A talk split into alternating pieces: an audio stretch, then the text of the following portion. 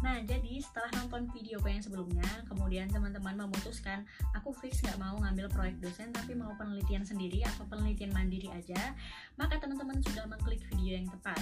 Nah, di video ini aku akan jelaskan tiga tips untuk mendapatkan judul penelitian kalau teman-teman penelitian sebelumnya, jangan lupa klik subscribe dan turn on notification, karena aku akan upload video dua hari sekali yang video tersebut bermanfaat dan pasti teman-teman butuhin, terutama kalau sekarang teman-teman lagi di semester akhir, lagi nyari judul penelitian, atau mungkin sekarang sudah menganalisa data dan menulis laporan. Nah, tiga tipsnya tersebut apa aja sih? Nah, jadi tips yang pertama yaitu teman-teman bisa dapat judul dengan cara ikut hibah penelitian. Oh, ikut hibah? Emang udah dikasih judul gitu? Enggak, enggak. Jadi kalau misalnya teman-teman ikut hibah penelitian, emang nggak dikasih judul. Tapi kalau misalnya ikut hibah, misalnya hibah Nutrifood, atau kalau enggak hibah dari apa KB Pharma dan lain sebagainya. Nah, itu tuh mereka kan udah pasti punya tema tahun itu. Temanya apa? Terus sudah itu di situ ada mereka juga akan ngasih scoop bidangnya apa aja. Nah, ketika sudah ada tema dan scoopnya otomatis kan itu topiknya udah ada. Tinggal kita nyari judul, baru kita buat proposal dan diajukan ke penyedia hibahnya atau pemberi hibah penelitian tersebut. Nah, ini akan lebih mempermudah teman-teman. Kenapa? Karena kalau misalnya kita nggak ada gambaran sama sekali, jadi jurusan kita aja atau mungkin prodi kita aja yang diteliti itu bisa banyak banget. Kita lo kuliah selama 4 tahun ya. Oke nggak empat tahun ya. Uh, kita kuliah di kelasnya itu tiga tahun. Dan selama tiga tahun kan banyak banget hal yang bisa diteliti. Kalau misalnya kita ngelihat itu terlalu banyak bingung kan? Nah ketika kita ikut hibah itu udah dipersempit menjadi suatu topik tertentu.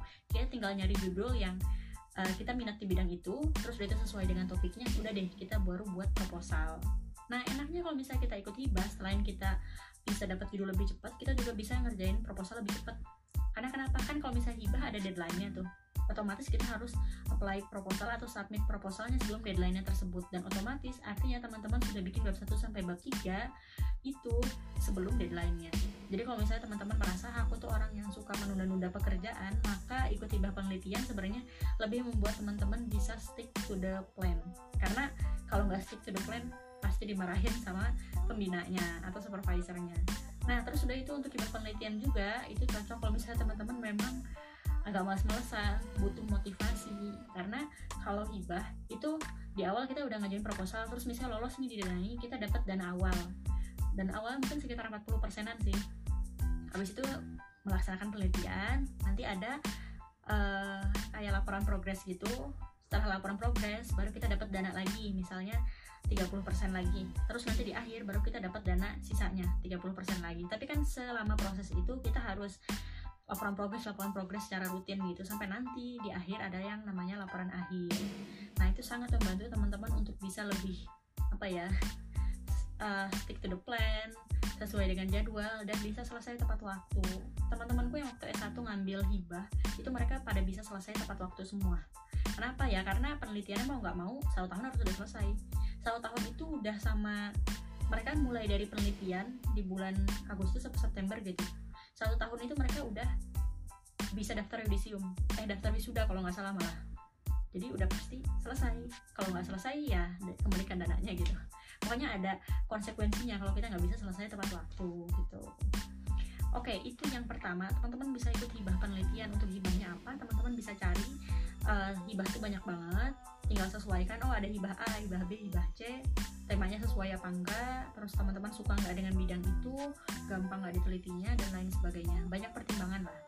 Oke itu yang pertama terus yang kedua yaitu penelitian bareng-bareng sama teman-teman. Nah ini lumayan banyak juga dilakukan di jurusanku.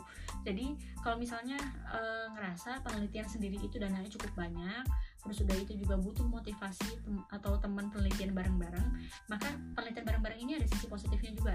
Kenapa? Misalnya teman-teman bisa mengambil suatu penelitian dengan satu bahan yang sama, satu metode yang sama, atau mungkin uh, apa ya, satu bidang yang sama gitu. Misalnya teman-teman mau meneliti soal keripik sebagai contoh nih ya.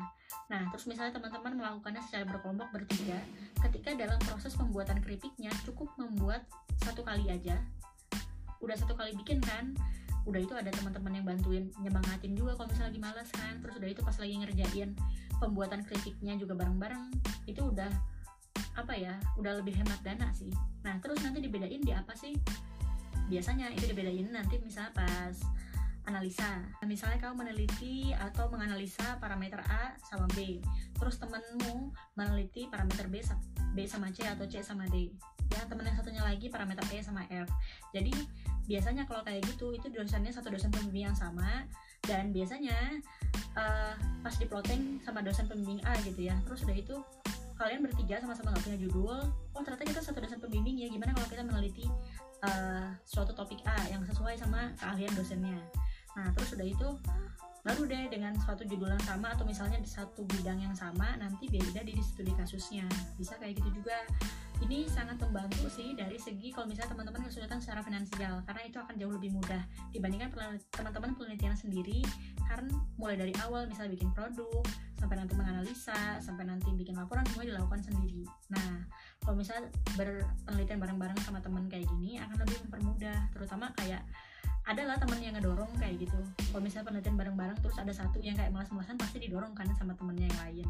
Itu sih keunggulannya. Tapi kelemahannya adalah uh, kalau misalnya di kelompok tersebut ada temen yang males nah kita bisa sangat mudah terbawa untuk ikut malas juga. Atau misalnya ada temennya yang sibuk yang dia itu sampai semester akhir masih ikut aktif di organisasi masih aktif lomba masih aktif kepanitiaan.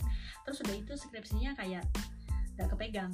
Nah otomatis kalau misalnya kayak gitu teman kelompok yang lain yang handle kerjaan dia kan nah ini tuh malah nambah overload pekerjaan nah kalau misalnya uh, teman-teman pas kebetulan punya teman satu tim penelitian seperti ini itu tuh bisa diomongin baik-baik lah. Atau kalau enggak misalnya di awal udah udah dijelasin sih maksudnya uh, kegiatan kita yang di luar dari penelitian tersebut apa. Dan kalau misalnya kita udah melakukan penelitian bareng-bareng maka otomatis di situ ada komitmen juga dong. Jangan tiba-tiba ditinggal aja terus tiba-tiba pengen menerima hasilnya.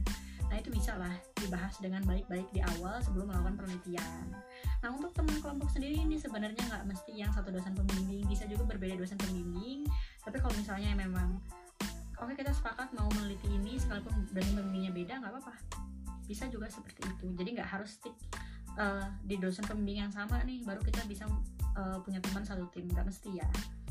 Oke terakhir kalau misalnya memang uh, ikut ibah juga nggak mau terus udah itu teman buat uh, penelitian bareng-bareng satu tim juga nggak ada yang cocok maka yang terakhir pilihannya adalah penelitian sendiri. Nah kalau misalnya penelitian sendiri atau penelitian mandiri ini gimana sih tipsnya biar bisa dapat judul penelitian? Nah teman-teman sebenarnya akan lebih mudah kalau misalnya memulai dari awal. Temanku ada yang mulai dari semester 2 sudah mencari judul penelitian untuk skripsi nanti. Ada juga yang dari semester 3 ada yang semester 4 yang artinya semakin lebih awal itu akan semakin baik karena kita punya waktu lebih banyak untuk membaca literatur kalau aku sendiri untuk ketika tesis itu dari mulai sebelum mendaftar kuliah S2 aku sudah punya judul. Ya jadi itu akan sangat membantu. Jadi kenapa? Aku bisa lulus paling cepat seangkatan dan aku udah punya judul penelitian bahkan sebelum masuk sebelum ada plotting dosen pembimbing karena aku memang sudah punya rencana dari sebelum mendaftar kuliah. Ini aku kenapa seperti itu? Karena untuk menyiasati sebelumnya waktu skripsi aku nggak punya judul sama sekali. Tiba-tiba sudah punya dosen pembimbing terus sudah itu baru mikir mau judul apa ya nah itu memperlama sih nah itu yang pertama teman-teman harus mulai lebih awal Nah, terus sudah itu setelah mulai lebih awal apa yang harus dilakukan, literatur apa yang harus dibaca. Nah, teman-teman bisa lihat dari skripsi kakak tingkat. Nah, skripsi kakak tingkat ini kan biasanya juga ada online di repository kampusnya atau kalau enggak juga offline di ruang baca atau mungkin di perpustakaan. Nah, teman-teman bisa baca. Tapi kan uh, skripsi banyak banget udah angkatannya dari tahun-tahun 10 tahun sebelumnya juga ada skripsinya. Nah, kita mau milih yang mana? Nah, sebelum itu teman-teman harus punya minat dulu. Misalnya aku tertarik nih dengan bidang A nah teman-teman bisa nyari penelitian atau kakak tingkat yang di bidang A aja jadi nggak semua skripsi harus dibaca karena kita juga bingung kan mau ngambil skripsi yang mana nih gitu nah misalnya teman-teman sudah uh, ngelihat nih uh, skripsi kakak tingkat dari ada misalnya tiga skripsi kakak tingkat nih yang akan dijadikan acuan. Nah terus udah itu aku harus meneliti yang mana nih? Caranya adalah dari tiga itu pastikan yang penelitian A ada kekurangannya penelitian B ada kekurangannya penelitian C ada kekurangannya juga. Nah teman-teman bisa ngambil nih gap penelitian dari ketiganya ini apa sih kekurangannya? Oh aku mau dari penelitian A B C itu ada kekurangannya. Oke aku akan meneliti untuk uh, ngisi gapnya itu atau kalau enggak misalnya penelitian yang aku suka itu yang dari penelitian A ini nah teman-teman bisa lihat halaman terakhir di bab 5 di situ biasanya ada saran Nah, saran itu biasanya adalah kekurangan dari penelitian tersebut yang belum diteliti. Yang disarankan untuk peneliti selanjutnya harusnya meneliti apa. Nah, teman-teman bisa lihat di saran itu, misalnya si peneliti ini, kakak tingkat ini menyarankan untuk meneliti lebih lanjut bidang apanya gitu atau kalau enggak terapannya. Nah, teman-teman mungkin bisa meneliti di bidang itu. Tapi ini juga balik lagi, teman-teman minat nggak untuk meneliti itu? Jangan sampai ya ini sih yang disaranin ini sih gap penelitiannya. Jadi walaupun aku nggak suka, aku akan meneliti ini. Ya jangan kayak gitu juga. Jadi pastikan teman-teman suka dulu dan tertarik untuk meneliti bidang itu. Atau kalau misalnya penelitian kakak tingkat ini nggak ada di skripsi sebelumnya, teman-teman bisa cari di jurnal. Oke, jurnal dalam negeri juga nggak ada, bisa cari jurnal luar negeri, jurnal internasional. Ya, jadi jangan patah semangat. Karena di uh, kakak tingkat di jurusanku nggak ada yang meneliti ini, jadi kayaknya aku nggak bisa meneliti ini. Ya nggak juga.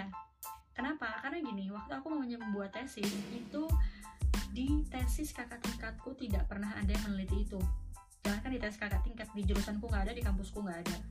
Ya uh, waktu itu aku nyari di kampusku nggak ada. Akhirnya aku nyari di kampus sebelah. Ada satu orang yang penelitian di bidang itu tapi ya karena waktu itu aku untuk tesis dan penelitiannya itu lebih mendalam sementara di kampus sebelah itu ada tapi penelitiannya untuk skripsi jadi nggak terlalu mendalam sama sekali. Jadi waktu itu uh, aku nyari lagi nyari lagi di kampus-kampus lain dan hampir tidak ada di kampus lain. Makanya yang seperti aku bilang sebelumnya bahwa penelitian tesisku ini termasuk salah satu penelitian pionir yang ada di Indonesia. Terus dari mana aku dapat literatur dari tesisku ya mungkin cuma sekitar 5% itu literatur Indonesia. Sisanya literatur dari internasional. Karena kenapa? Di Indonesia masih jarang banget penelitian itu. Nah jangan putus asa dong. Dan patah semangat kalau misalnya di tesis kakak tingkat nggak ada di kampus sebelah nggak ada di jurnal nasional juga nggak ada carilah di jurnal internasional. Dan di situlah aku juga baru ketemunya. Di disertasi kampus-kampus luar negeri jurnal internasional dan rata-rata itu kampus dari negara-negara maju seperti UK sama US di situlah aku dapat literaturnya. Jadi kalau misalnya teman-teman lagi mencari literatur dan bingung mau judul apa jangan patah semangat. Terutama kalau misalnya teman-teman penelitian secara mandiri. Itu butuh effort lebih banyak. Tapi yang pasti kalau misalnya teman-teman suka dan tertarik dengan bidangnya uh, worthless apa? Worth it banget kok. Ya jadi kalau aku dulu ya penelitian tesis kalau itu sulit banget nyarinya. Tapi pas sudah selesai yang akhirnya aku sidang pertama angkatan aku puas banget. Akhirnya yang apa ya yang waktu dulu tuh orang-orang bilang katanya kan hampir mustahil banget sih ini diteliti. Karena literaturnya susah banget. Orang juga pas aku tanya-tanya gitu ke kakak tingkat kakak tingkat juga bingung. Emang gimana kamu bakal penelitiannya? Itu kan. Udah aku bingung nanya ke orang orang lain juga bingung kan. Tambah bingung lagi. Nah tapi ternyata pas sudah selesai udah bisa sidang aku ngerasa puas banget. Wah akhirnya ya apa yang selama ini orang nggak percaya bahkan diriku sendiri nggak percaya bisa ya jadi sebuah tesis gitu bisa diteliti dan bisa punya impact buat masyarakat. Oke segitu aja penjelasan tentang tips mendapatkan judul penelitian. Kalau misalnya ada yang pengen ditanyain bisa banget tanya di kolom komentar di bawah ini. Dan jangan lupa klik subscribe dan turn on notification. Terima kasih Thank you.